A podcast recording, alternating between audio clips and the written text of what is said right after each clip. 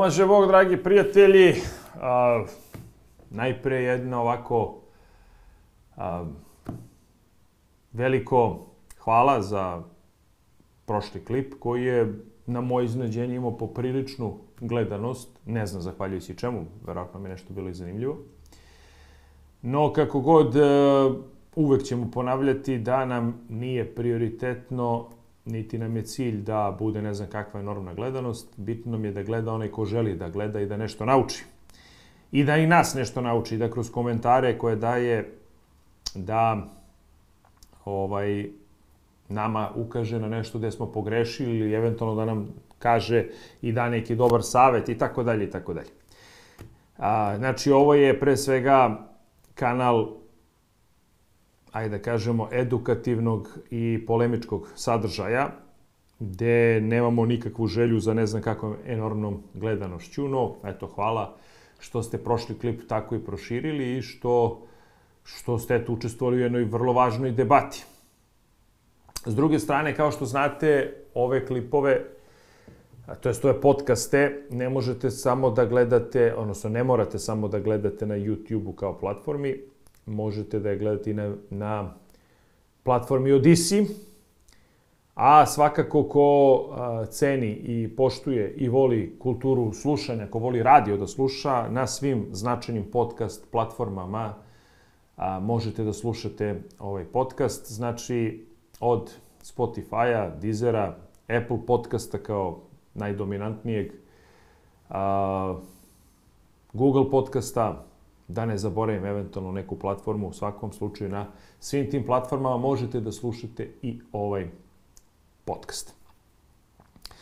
A, zanimljivo je to da je Evropska unija, to je da je Brisel odobrio a, kandidaturu, odnosno odobrio je status kandidata za ulazak u Evropsku uniju u Ukrajini, Moldavi i Gruziji.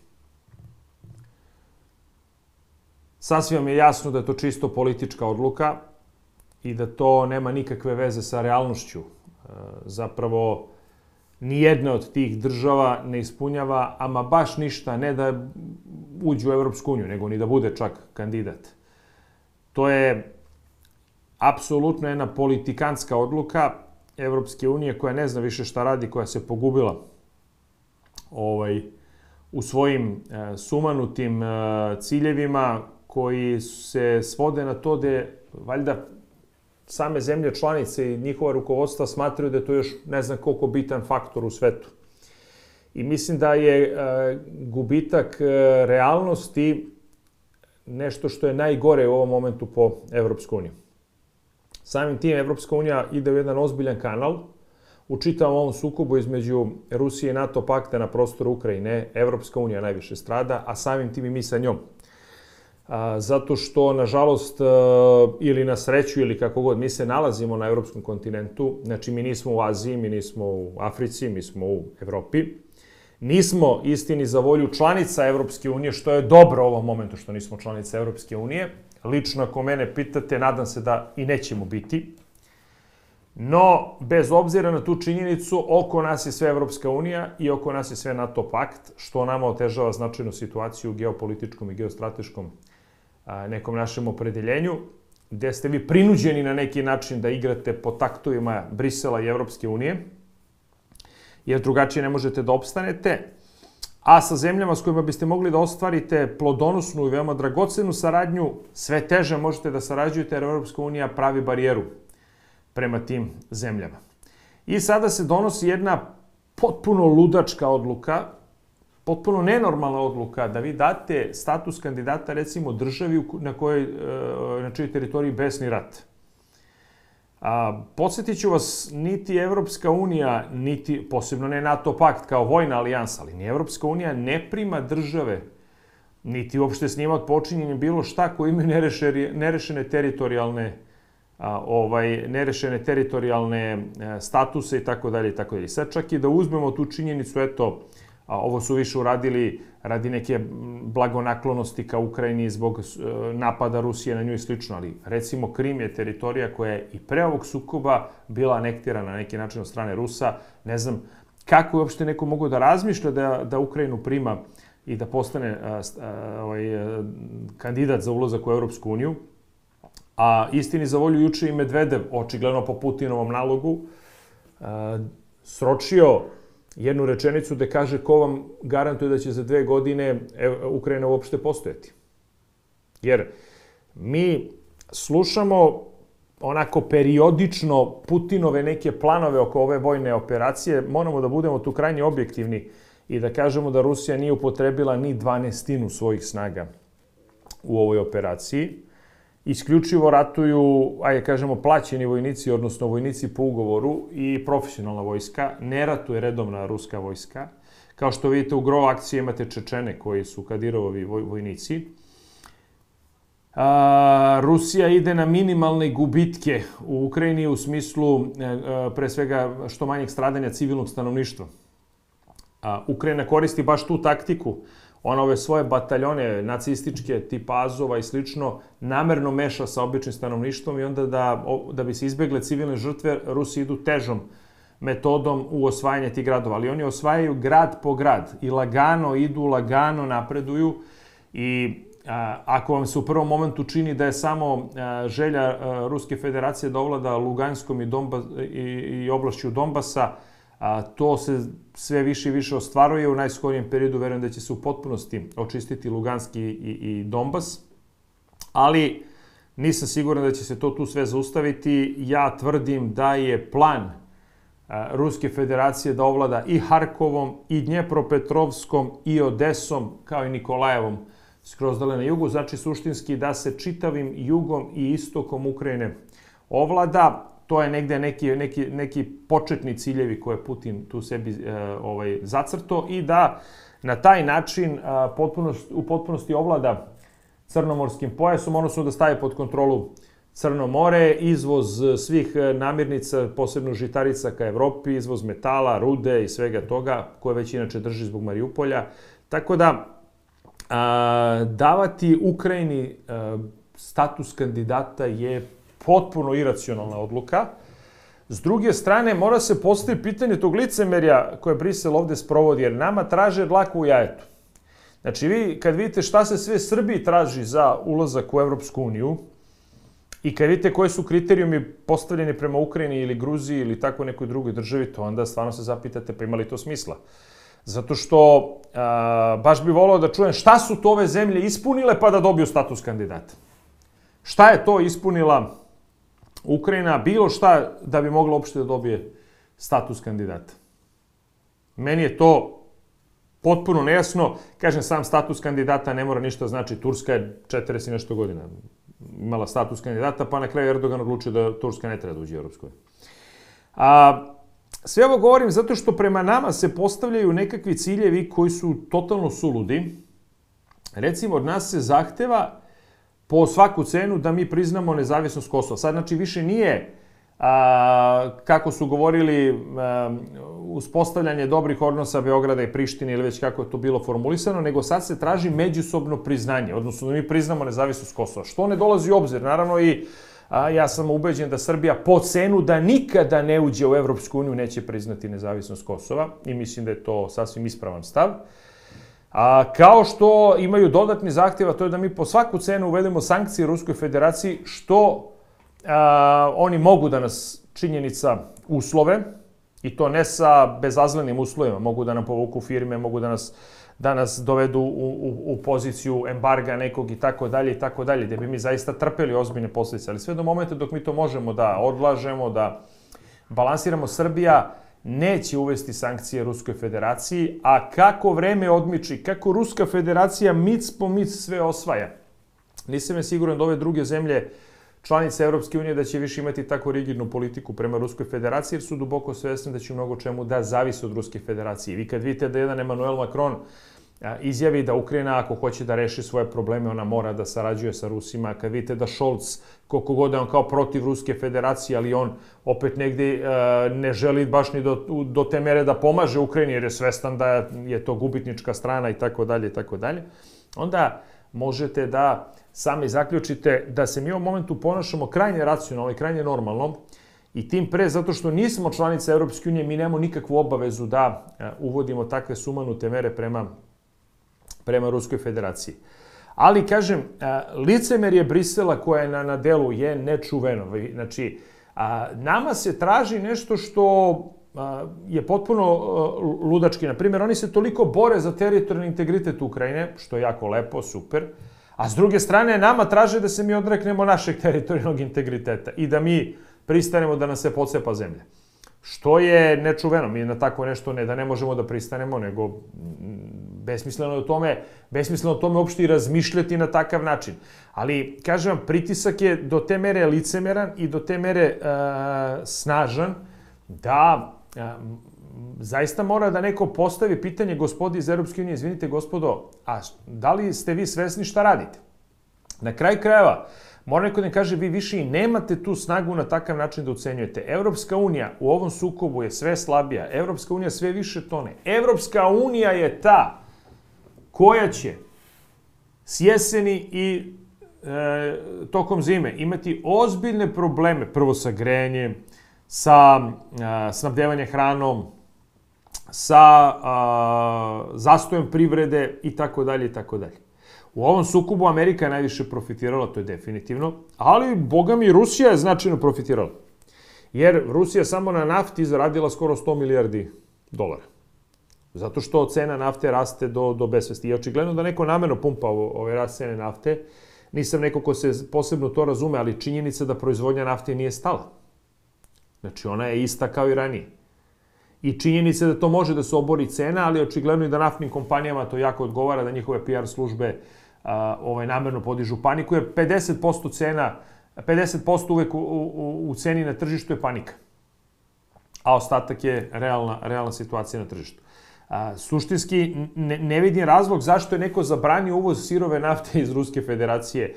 A, zašto to neko sebi puca u nogu? kao što to radi Evropska unija, a, ali recimo još uvek ne uvode sankcije na gas. Pa što, gospodo, ako ste takvi mangupi, ako vi tako možete protiv Ruske federacije, pa vi uvedite sankcije na gas. Nemojte da uzimate ruski gas i, i molim lepo.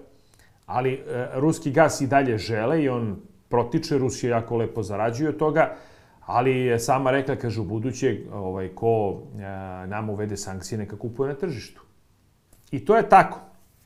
E sad, a, Srbija se dobro postavlja u čitavoj ovoj priči. Znači, ja moram priznam kapa dole vam Vučiću kako on to balansira, kako on to ovaj, pokušava da, da, da napravi da napravi ovaj nekakvu ravnotežu između tih e, kriminalnih pritisaka koje Evropska unija prema nama vrši. Mora kažem da čak Amerikanci ne vrše tako snažne pritiske koliko vrši Evropska unija.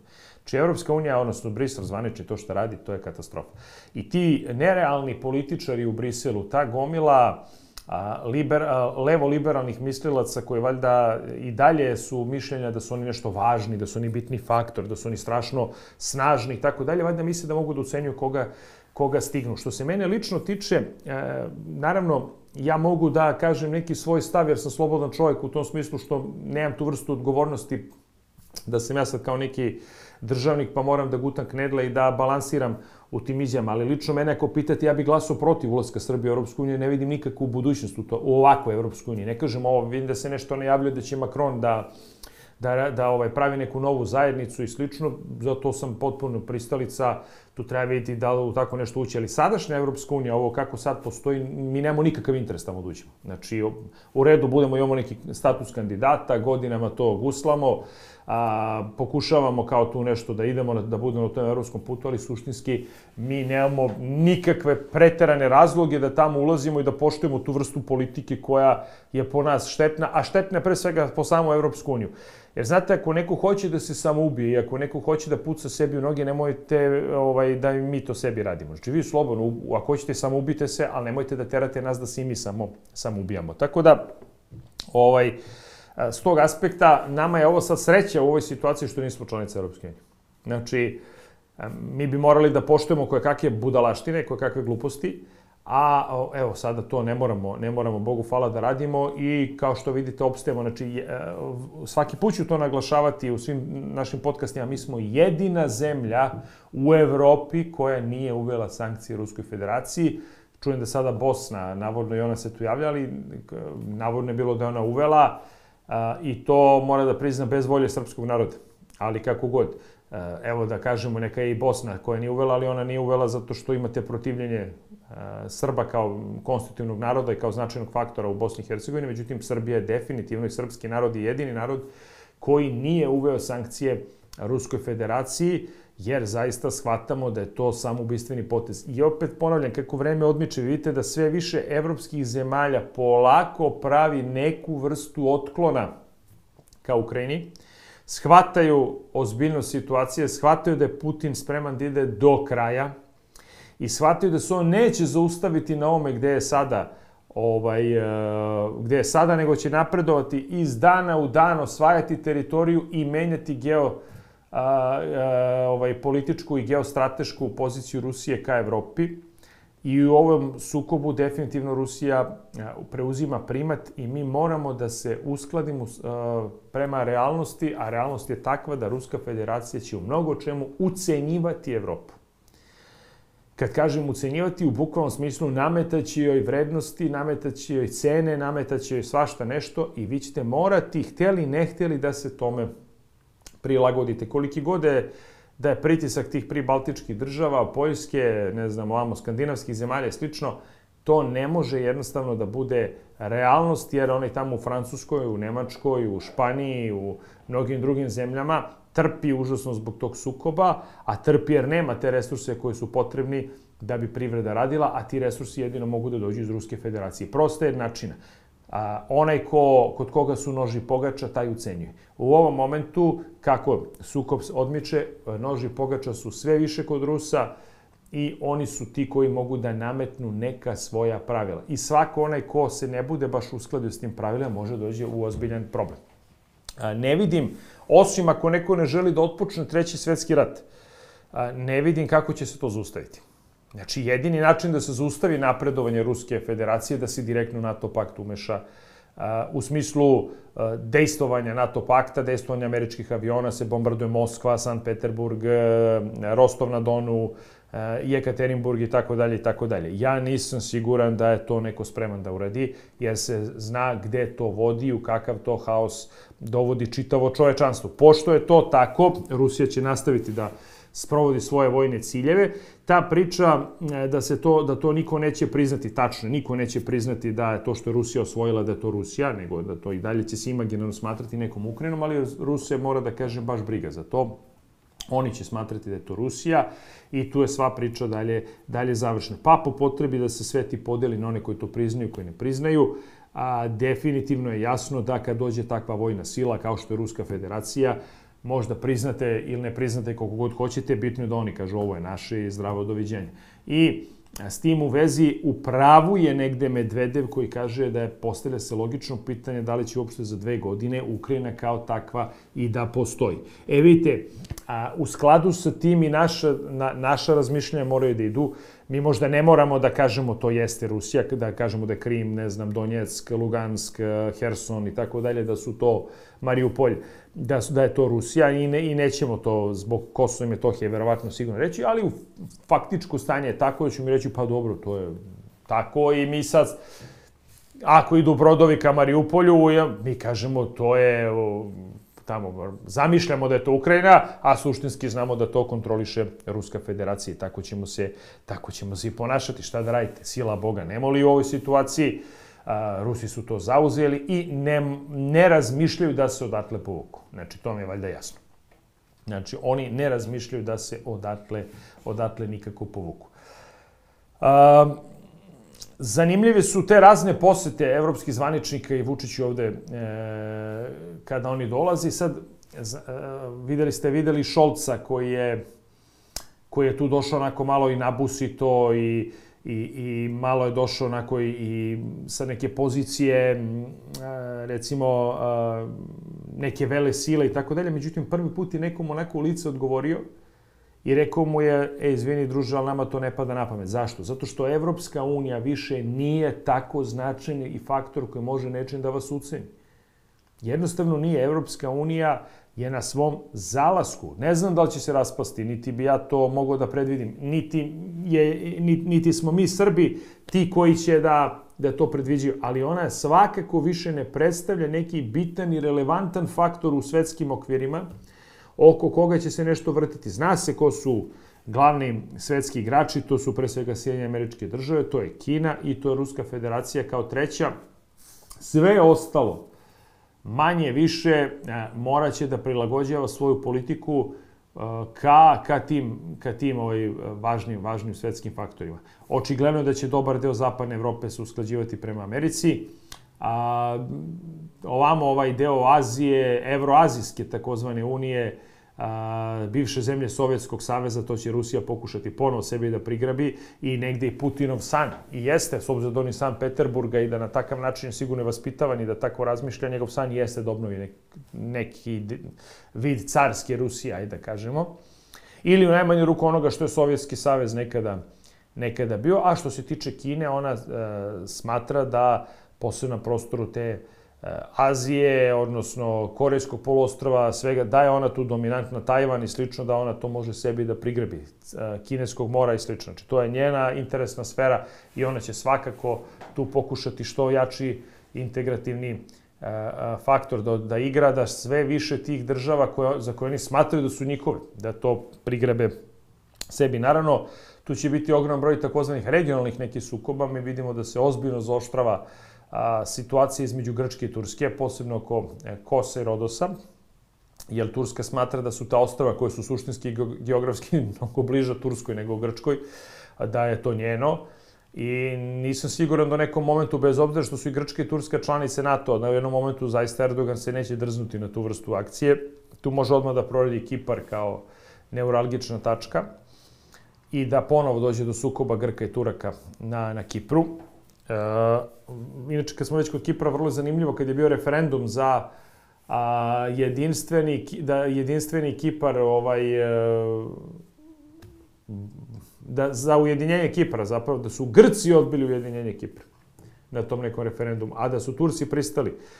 Jer već posle toliko godina ljudi su navikli da žive kako žive, Grci nisu teli nikako Turcima koji su, za koje smatraju ih okupatorima na tom delu na tom delu Kipra, ovaj, nisu hteli da im omoguće evropske dokumente i zato su glasali protiv ujedinjenja Kipra.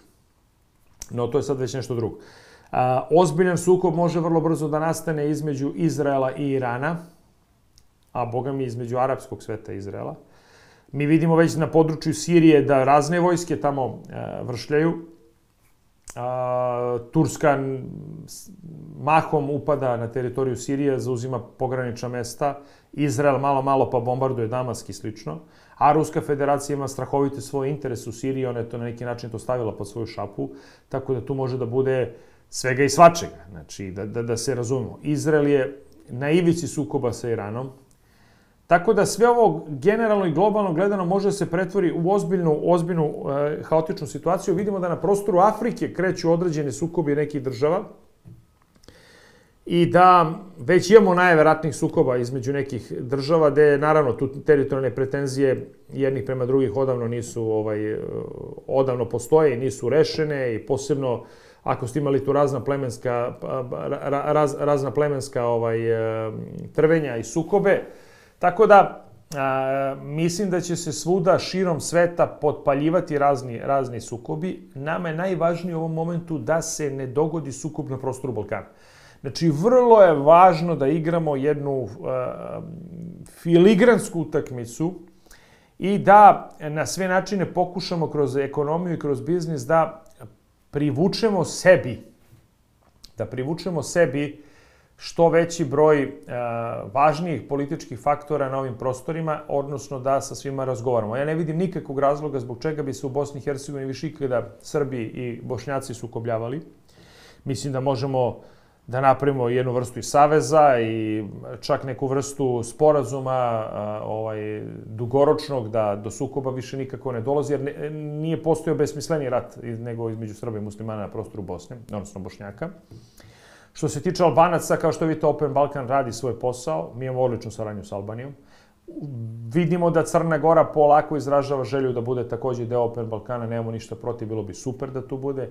Tako da, tako se to radi i tako se to filigranski igra, samo da ne dođe do sukoba. Važno je da, da ovde e, imamo ekonomiju, da ona se razvija, da to pršti na sve strane, a što se tiče bilo kakvih sukoba, što se tiče bilo kakvih e, stvaranja neuralgičnih situacija, to moramo da izbignemo, jer će svakako velike sile se truditi da bi što dalje sukob od sebe oterali ili nekom drugom ovaj, napravili dodatni problem, trudit će se da da potpaljuje određene sukobe. Evropska unija je nemoćna da bilo šta više spreči. Evropska unija je a, starac koji e, polako polako ovaj čeka kraj svog svog veka, a, neke nove očigledno integrativne e, zajednice će se javljati i kažem nije loše ovo što je Macron pokrenuo da probamo da sagledamo da eventualno tu uđemo Ako bi tako nešto moglo da se da se ostvari, nemam ništa protiv da se o tome razgovara.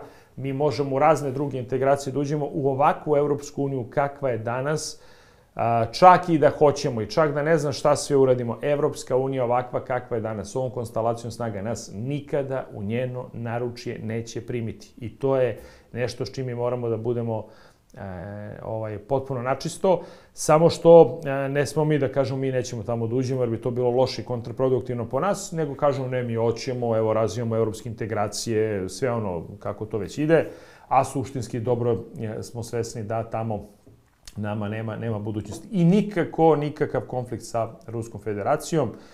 Molim lepo, mi nemamo sankcije, Rusi mogu ovdje da dolaze da otvaraju firme, da otvaraju račune, da otvaraju uh, svoje biznise, A, sa Ruskom federacijom nikad bolja saradnja, nama je potrebno to zbog gasa, zbog svega i gledamo svoj, svoj interes. Mislim da je to nešto s čim ćemo se u nekom narednom periodu a, ovaj, suočavati. Spremite se na vrlo tešku zimu, znači na vrlo tešku zimu se pripremite, jer pitanje je da li ćemo imati dovoljni količina i gasa, i ogreva, i struje, i svega, zato što je tako kako jeste šta da radite. Ali se to mora izdržati. Ja verujem da, da polako a, ovaj, u ovim nadolazećim promenama u geopolitici mislim da će se mnoge stvari iskristalisati, ali o tom potom u nekom drugom podcastu.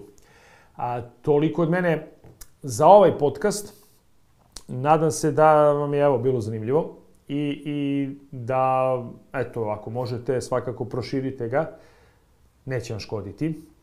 A ovaj, Svakako pritisnite onaj subscribe, da uvek možete da imate da uvek možete da imate ovaj uh, obaveštenje kada vam kada ovaj nešto će novo biti na, na ovom kanalu. Svako dobro od gospoda i ostanite uz kanal Analiza stanja.